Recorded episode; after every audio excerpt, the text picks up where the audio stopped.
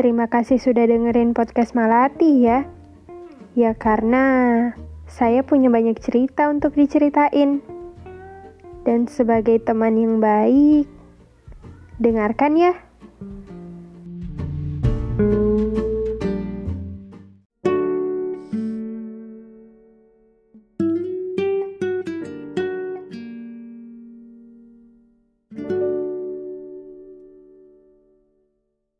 Di luar lagi hujan nih.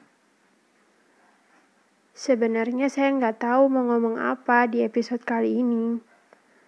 Tapi karena segmen perkenalan masih tentang si Gemini, saya jadi keinget sama tugas sekolah, tugas bahasa Indonesia yang dikasih beberapa bulan lalu. Disuruh buat puisi gitu.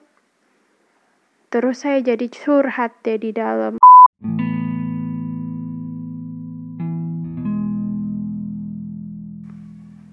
Hai. Aku tulis puisi ini untuk kamu. Waktu lagi di kamar tanggal 9 November dengan segala perasaan yang kamu kasih tanpa aku minta tapi nggak sesuai yang aku harapkan. Hmm, enggak, aku nggak nyalain kamu. Bukan salah kamu juga.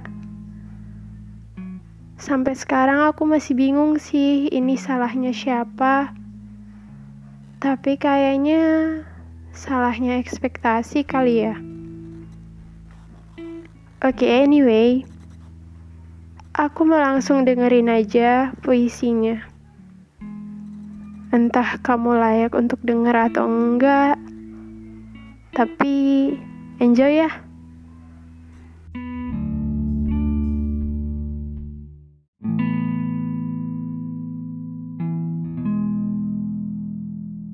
Tentang pergi, pulang, dan kerasnya ibu kota. Dulu kau bilang kalau pergi adalah kata yang tidak ada padanannya, yang menggelembung dan kempes, lalu menggelembung lagi, seperti angin yang terbang ke sana kemari, sampai datang suatu saat yang entah baik atau buruk, entah bagiku atau bagimu, entah atas nama apa kau pergi. Dulu kau juga bilang kalau pulang akan selalu tentang kembali ke sebuah rumah. Seperti orang mati yang selalu kembali ke rumah yang sama. Yang kira-kiranya kematian itu sudah terlalu biasa saja untuk ditelannya mentah-mentah. Seperti wajahmu. Aku tenggelam di matamu Pernah sekali-kali aku berpikir, mungkin akan indah kalau kita berdua kabur saja bersama-sama. Kabur, kabur dari bumi, menjauhi ibu kota yang semakin mengganas. Tentang pulang yang sempat kukira kau adalah rumahnya. Tapi aku salah hingga setelahnya, atas nama yang menurutmu baik, kau pulang. Tapi bagiku itu bukanlah sebuah kepulangan, karena nyatanya yang kau lakukan malah sebaliknya. Sampai akhirnya aku sadar bahwa ternyata pergi yang kau mau justru pulang yang ku maksud. Bagimu, aku bukan lagi rumah, atau mungkin aku memang tidak pernah menjadi rumahmu. Aku ingat betul bagaimana hangat dan lembutnya nada bicaramu waktu itu. Selayaknya suara paling merdu di dunia. Seirama dengan nyanyian ombak-ombak di lautan Serupa cantiknya dengan bunga mawar kuning yang kau tanam di halaman rumahmu itu. Kau ingat yang cantiknya katamu mampu menyihir siapa pun hingga ia mampu melupakan hari-hari buruknya. Hingga cantiknya menjelma aku, katamu seorang gadis lagu yang selalu bersenandung tentang cinta dan kejamnya dunia. Menjelma aku yang diberi makan dongeng-dongeng ibu peri, sehingga ia percaya bahwa semua yang ada memang untuk menjadi indah-indah saja.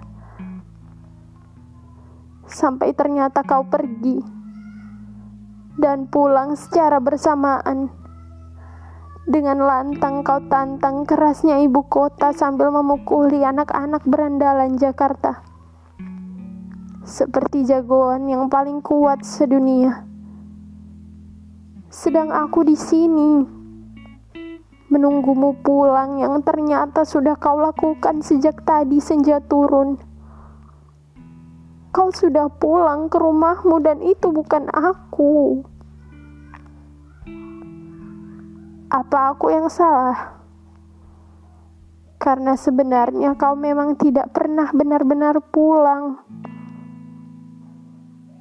Tak apa, aku cukup jadi bandaramu saja. Tidak perlu sampai menjadi rumah, singgah sebentar saja. Barangkali untuk menitip Amin yang akan kuusahakan supaya sama atau mungkin titip salam terakhir untuk kisah kita yang sudah berakhir, bahkan saat belum sempat untuk dimulai.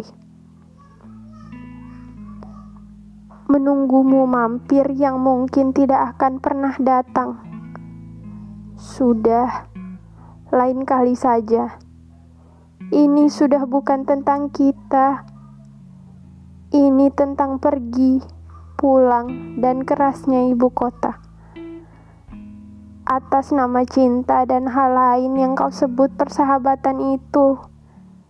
Kita selesai di sini saja. Terima kasih ya. Lukamu hebat. 9 November 2020